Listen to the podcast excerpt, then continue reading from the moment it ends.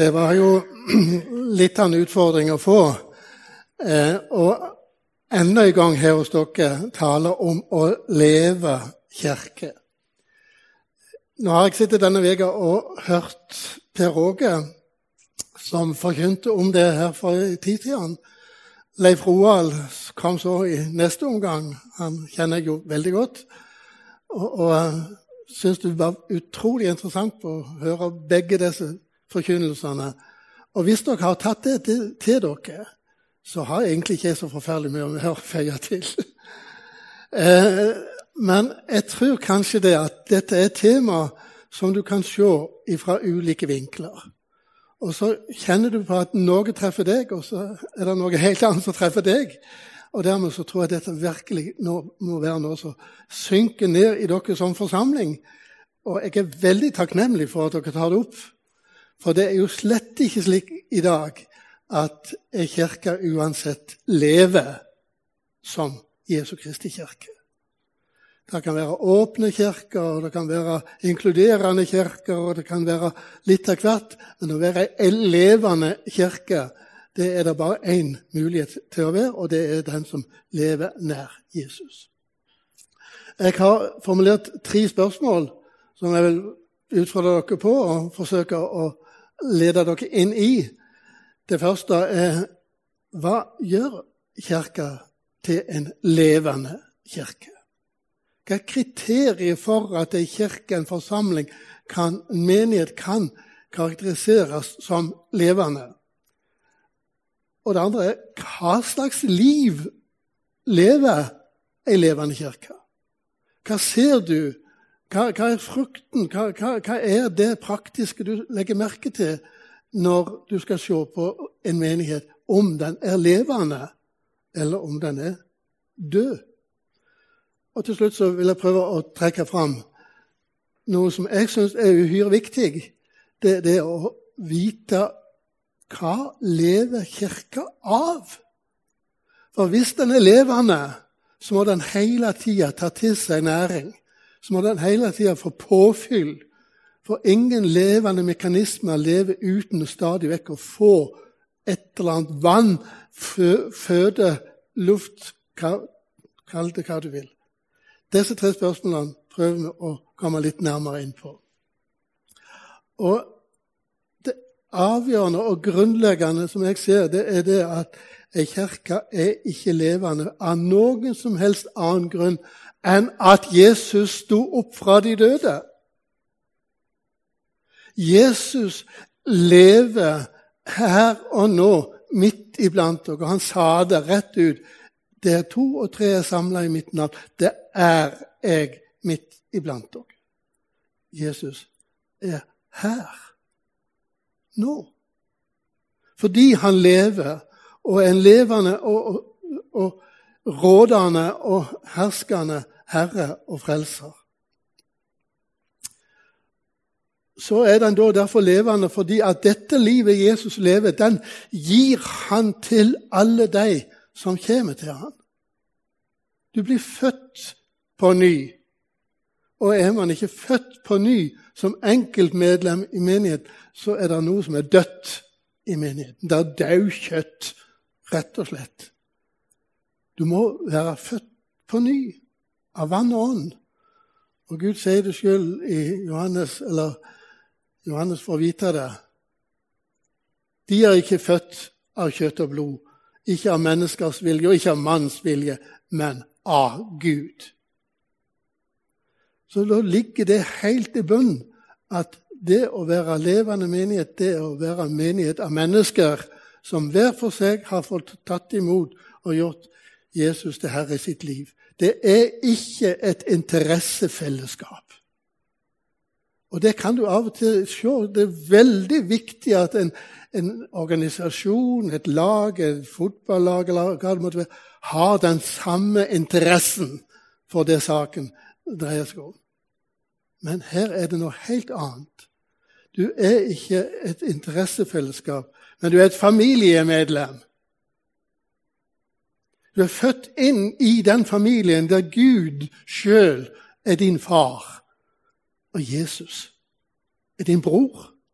Og alle de andre som tror er dine brødre og søstre, kusiner og fettere og tanter og onkler. Du er i en familie. Og tenk på alle de som har gått forut. Den slektstavla som du da kan sette opp over din familie. Helt tilbake til Abraham, Isak og Jakob og hele patriarkene og land tilbake. Gud, familie.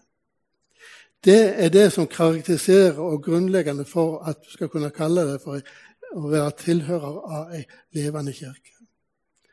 Men hva slags liv er det? Det er mange slags liv. Og hørte Liv Roald òg var inne på det, det å leve livet. Ja, det er ikke alltid det klinger så veldig greit. Han skal ut på livet. Noen har vært ute på livet og vet at det var slett ikke liv laga leve livet. Lenge leve livet, sang Bobbysocks. Eller var det Dolly Deluxe? Jeg har lyst til, og Nå er det ikke ofte det skjer at jeg kommer med tekstreklame midt i forkynnelsen. Men denne boka som Oskar Skarsaune, kirkehistoriker, professor på, på MF, ga ut i ja, Det var kanskje rundt juletida i fjor, eller på vårparten. Etterlyst. Jesu bergpreken har folkekirka glemt han. Det handler om det livet du skal leve. For er det noe sted Jesus virkelig uttrykte sitt program for hvordan dette livet som Guds menighet på jord skulle leves, så er det jo nettopp i bergprekenen. Jeg anbefaler den, ikke minst for lederskapet her hos dere, og ikke minst for for eh, dere som har ansvar for at denne menigheten skal fortsette å leve. Og Den kan gjerne være både i bibelgruppe og samtalegruppe. Den er absolutt gripende og nødvendig å ta for seg. Og der sier Jesus dere er jordens salt. Han går ikke rett på budene og sier du skal elske Herren din Gud, og så tar de nedover alle de ti budene. For spør du en jøde om hva som skaper liv, så er det å holde loven. Og den som holder loven, får leve. Men så har du skjønt, og så har jeg skjønt, og så har vel hvilken som helst kristen forsamling skjønt det går bare ikke. Vi er ikke i stand til å holde loven slik Gud vil at vi skal. Men du skal få være noe som Jesus skaper deg til. Salt, som gjør at det ikke forråtnes rundt omkring deg. Forråtnes i forsamlingen? Ja visst. Det skal være lys som gjør at mørket ikke gjør det slik at du aldri finner fram. Og du så mange er det som vandrer i mørket i dag og prøver å tro at de finner fram. Og denne kirka skal være, ifølge Jesu og bergpreken, du kjenner det igjen, fattig i seg selv tålsom, hungrer og tørster etter rettferdighet, barmhjertig, skaper fred. Og du hører klangen fra bergpreken til Jesus. Salige er de som skaper fred. Salige er de som hungrer og tørster etter rettferdighet. Salige er de som, som er tålsomme. Og så er det ikke sikkert at alle er like tålsomme. Det fins noen som er veldig hissige og veldig oppfarende. Ja, ja, men Som forsamling, som Guds menighet, så skal det være med å prege den, den holdningen du har. Jeg tror Jesus var veldig tydelig på at dette ville vise seg. Dette ville være synlig for de menneskene som kom i nærheten av en sånn forsamling. Og kanskje den største er nettopp det at de, de viste at de sto sammen og holdt av Jesus. Og eh, Paulus er jo inne på akkurat det samme, men han har en langt mer detaljert oppramsing. Og Nå kommer det altså denne leksa om åndens frukt. Og så tenkte jeg uff, nå igjen. Frukt. Bære frukt. Ja, jeg skal bære frukt. Ja, jeg skal bære frukt. Men tror du det at et, et plommetre, et epletre ser du hvor som helst nå for tida, har tenkt på det at nå må jeg streve alt jeg kan for å få så mye epler ut av dette treet som bare mulig. Nei, de gjør det fordi det er naturlig. Det er en naturlig følge av at sevja har kommet opp i greinene. Lyset, varmen, sola, alt har gjort til at frukten kommer. Fordi de er skapt til å bære frukt. Du er skapt til å elske. Det flott når du sang 'Jeg vil bare si deg at jeg elsker deg'. Si det til Jesus. Si det til hverandre. For her er det snakk om noe helt annet kjærlighet enn det som mange snakker om, at, at det, det, største av alt er kjærligheten. Og kjærligheten den overskygger alle andre regler. Så da bare man elsker et eller annet, en eller annen, så er det greit. Nei, det er ikke den erotiske kjærligheten. Det er den, det er den åndelige kjærligheten. Agape, som hengir seg til en som har gitt sitt liv for at du skal leve. Kjærligheten den er av Gud og ikke av ditt eget erotiske liv. Glede gjør ingenting om kristne er glade. De, de gjør jo ikke det. Det skader aldeles ikke. Og jeg tror det at Ofte så kan det være en god fordel å tenke sånn glede, juble, ha det gøy, vise at her er kjekt. Det er ingen dum egenskap for en forsamling. Og det har vært altfor lite av det rundt omkring. Når man kom inn på et bedehus, eller i kirka ikke minst, så var det seriøse greier. Så skulle være stille. og så... Ja, det er jo seriøst fred.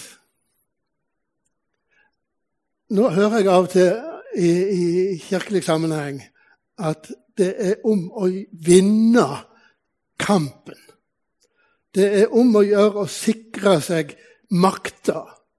Det er om å gjøre å få et flertall, sånn at man kan dominere over et mindretall som man ikke er enig med. Og så blir det slett ikke fred i Guds menighet. Det blir krig. Det blir kamp og makt. Det blir konflikt.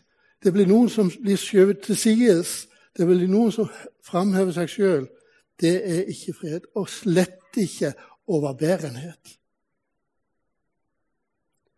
Tenk om det ble sagt om sjokk, hvor de både elsker hverandre, og hvor de bærer over med hverandre. At de innser at vi er ikke fullkomne, verken den ene eller den andre, og heller ikke en forsamling er fullkommen. Men så bærer man over med det og tenker ja, men de elsker Jesus, og de vil så gjerne at han skal få være den som er herre i, i, i, i forsamlingen. Vennlighet. Vennlighet. Ikke fiendtlighet. Godhet. Ikke måte på hva Paulus klarte å komme på. Trofasthet. Trofasthet, ja. Ikke liksom flakke fra det ene til det andre. Lande på det du kjenner er den gode, trygge basis å stå på innenfor Gud. Han ga meg rett til å være hans barn, og det holder jeg fast på. Og det holder han fast på. Og hvis det er noen som er trofast, i denne verden, så er det Gud sjøl. Og det er kanskje det trekket ved Guds og, og, hans egenskaper som jeg har sett mest av i det å ha fått vært så nær det jødiske folk som jeg har vært de siste 25-30 år. Du verden for en trofasthet han har vist dette folket. Du all verden så han har måttet tåle både hån og spott, og at de gikk fra han og dyrka så å si, loven framfor lovgiveren. Men han bærer over med dem. Og han er trofast og sier, 'Løftene mine, de gjelder. Jeg skal aldri svikte dere, aldri forlate dere.' Bare kom til meg. Ydmykhet og ikke hovmodighet. Selvbeherskelse. Ja, Jeg tror ikke det er så forferdelig om å gjøre å kjenne inn i sånn evangelisk-luthersk sammenheng som det vi er i nå her. Men i en del forsamlinger så synes det som om selvbeherskelsen forsvinner. Hysteriet blomstrer. Et, et annet slags åndelig, overåndelig eh, Som folk vil si Å, det er rene galskap. Det har vært bølger opp gjennom i kirkens historie der det slett ikke var selvbeherskelse som preget de som skulle tjene Herren. Og Så må vi si litt, eh, og dette er for meg òg vesentlig å få fram. Hva er det som gjør at denne kirka, da, som skal være levende, lever? Hva er det som gjør det at den stadig vekk holder seg i live? Jo, fordi Gud ga den evig liv, ja. Men det evige livet kan tørke ut, og du kan falle ifra. Og du kan mangle næring, slik at det blir fattigslikt og annet og tørt. For ikke si kjørt i ditt kristenliv. Jo, det er ikke tvil om at Jesus han gir oppskriften. Han gikk gjennom en vingård helt åpenbart når han snakket om disse tingene og så. Og så sier han det. Bli i meg, så blir jeg i dere. Sånn som greinene ikke kan bære frukt av seg sjøl, men bare hvis de blir på treet. Sånn kan heller ikke dere bære frukt hvis dere ikke blir i meg. Jeg er vintreet. Dere er greinene. Den som blir i meg og jeg i han, bærer mye frukt. For uten meg kan dere ingenting gjøre. Den som ikke blir i meg, blir kastet utenfor som en grein og visner. Greiner som blir hogd av, de vet vi, de dauer. De visner. Du kan prøve å pode den inn på et annet tre, og det er det òg Paulus forsøker å fortelle i et annet bilde, som òg går på akkurat det samme. At det går nemlig an å bli brekt av treet. Og så kan det bli poda inn igjen. Og Paulus sier at vi som hedninger er henta ut fra et vilt tre som slett ikke bar god frukt, og som vokste vilt. Så er vi blitt poda inn og fått sevja fra rota som Gud har begynt å planta i Israels folk, der Jesus kommer og gir dette folket den fulle, hele sannheten om hvem Gud er, så blir du og jeg som hedninger satt inn i den sammenhengen. Et bilde som i Israelsmisjonen noe ofte har brukt, og som kanskje av og til ikke treffer like greit hos alle. Men det er det Gud ønsker å si, at du som var en vill oljekvist, er blitt poda inn blant greinene og har fått sevja fra rota sammen med deg sevja fra rota. Noen har gått flere runder inn for å se hva er det egentlig som gjør at du tar næring til deg som forsamling, og som enkeltkristne, som gruppe av kristne. Men nå prøver jeg å fokusere litt på nettopp det med Israels folk. Og dere har valgt å, å ha fokus på Israels folk, på, på jødene, i denne semesteret. Jeg vet ikke hvor lenge dere har tenkt å holde på med det, men det gir en utrolig mulighet til å se hvor viktig hele Bibelen er. Og jeg skulle ikke undre meg om det er mange av dere som sliter med å lese Det gamle testamentet. Fordi det, det, blir liksom så ganske annerledes enn Det nye testamentet. Men så må du gå på leiting inn, fordi hele Det nye testamentet er skjult i det gamle. Og det kommer på en måte opp gang på gang. Så, 'Å ja, nå ser jeg. Det var det Jesus mente.' Ja, det var det som Jesus var når han kom. Soning for syndene, f.eks. Ikke sant? Hele bildet som israelsfolket strevde med, det å få soning for syndene sine, så hadde de en enorm maskineri omtrent i tempelet i Jerusalem med ofring ved ofring, dag ut og dag inn, flere ganger til dagen. Og så kom den store forsoningsdagen, da alt i ett måtte forsones fordi de sto i gjeld til Gud. Og så kom det soning. Tenk du hvor mye Jesus går rett inn i den sammenheng, blant annet. Og så har jeg allerede vist dere en del bilder nå fra Nazareth Village. Men det å forsøke å komme Jesus så tett på at du kjenner at han Ja, han var jo et menneske. Han hadde søsken. Ja, hadde han det, forresten? Jeg nevnte just både i stad at han hadde både brødre og søstre. Tenk litt over hvor mange søstre og brødre hadde Jesus. Kan du navnet på noen av dem? Kjenner du ikke Jesus sin familie? Nei, det er ikke det vi gjør. Men det har han jo da vitterlig. Og to av brødrene hans skrev jo til ham med brev som vi har.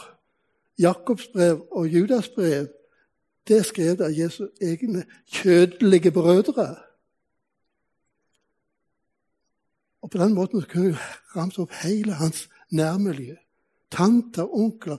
Er du obs på at Jakob og Johannes, tordensønnene, det var søskenbarn til Jesus? Du, Det går an å komme så tett på han og kjenne det. Du verden, han er jo sånn som meg. Han har en familie, han har tanter og onkler. Begynn å grave litt i det, så skal du se at du får et helt nærere forhold til Jesus bare pga. det. Og så ligger det noe i disse bibelske festene og høytidene som Den kristne kirke altfor tidlig kasta vrak på. For Jesus feira rimeligvis ikke jul. Han gjorde jo ikke det. Og det skal i alle fall vi feire, fordi han er født, og han kom til verden, og ingenting er større enn det. Men det, det er ikke en av de bibelske festene og høytidene. Selvfølgelig. Men påsken Jødene har alltid, helt fra utgangen av Egypt 1400 år før Kristus, 3400 år siden, har de feira påske. Mer eller mindre kontinuerlig. Og Jesus gjorde det i alle fall. Og vet du hva? Jesus feira påske som det aller siste religiøse han gjorde i denne verden før sin lidelse og død. Da satt han midt i en påskefeiring. Og hvordan var den? Hva var det som gjorde at den var for han så utrolig viktig? Jeg utfordrer dere til å tenke litt sånn påskemåltid i, forsamlingen her når, når, når, våren kommer. Fordi det gir en enorm nærhet til Jesus. Og tenk bare det å kunne synge, eller iallfall lese, akkurat den samme salmen som de las og sang når de var sammen, før de gikk til Getsemane. Hadde tanker, ordene, i, i bakhodet idet de vandrer på vei til Getsemane. Jeg kunne fortsatt flere av disse høytidene. Løvhyttefest. Jeg skal ned nå om tre-fire uker etter Israel og, og legge merke til der nede nå hvordan de feirer løvhyttefesten. Men de mangler hovedgjesten i sin løvhyttefeiring. Men alt det andre omkring er så kristelig, så Gud-inspirert, at du skulle nesten være frista til å bygge løvhytte både her og der. Og så er det noen som har kalt ikke bare de fire evangeliene, men et femte evangelium. Og det er å være der alt dette skjedde.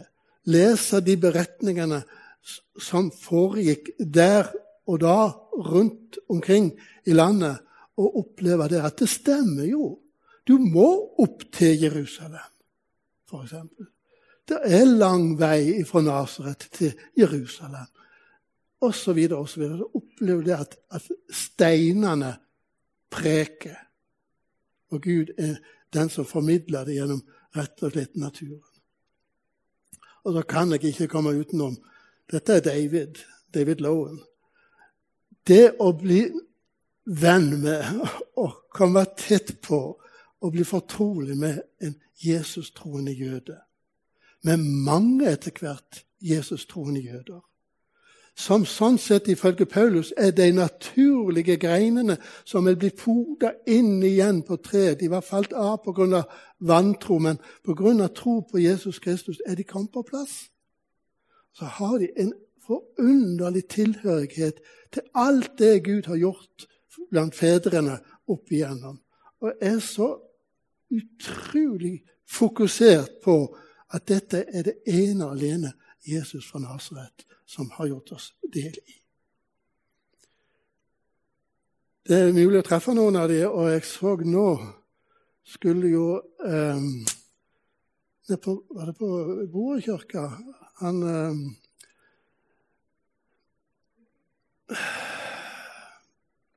Andy Ball han er leder av en bibelbutikk i, i Tel Aviv. Han skulle her ha et møte nå. Frikirke her på Klepp. Nå i kveld, eller var det formiddag? eller? Nei, formiddag. Å ja. Da er det for seint å gå dit. Men det kommer av og til jøder som har tatt imot Jesus. Enten de kommer fra Israel, eller fra USA eller fra Russland. Jøder kommer til å tro på Jesus rundt omkring i hele verden i dag. Denne bønnen uttrykker noe av det jeg nå har sagt, og la oss be sammen. Å, kjære Jesus, fikk jeg kun være den minste kvist på vintreet ditt, Herre Jesus Kristus. Og måtte så aldri vi skilles igjen, men elske og elskes som venn hos venn. Amen.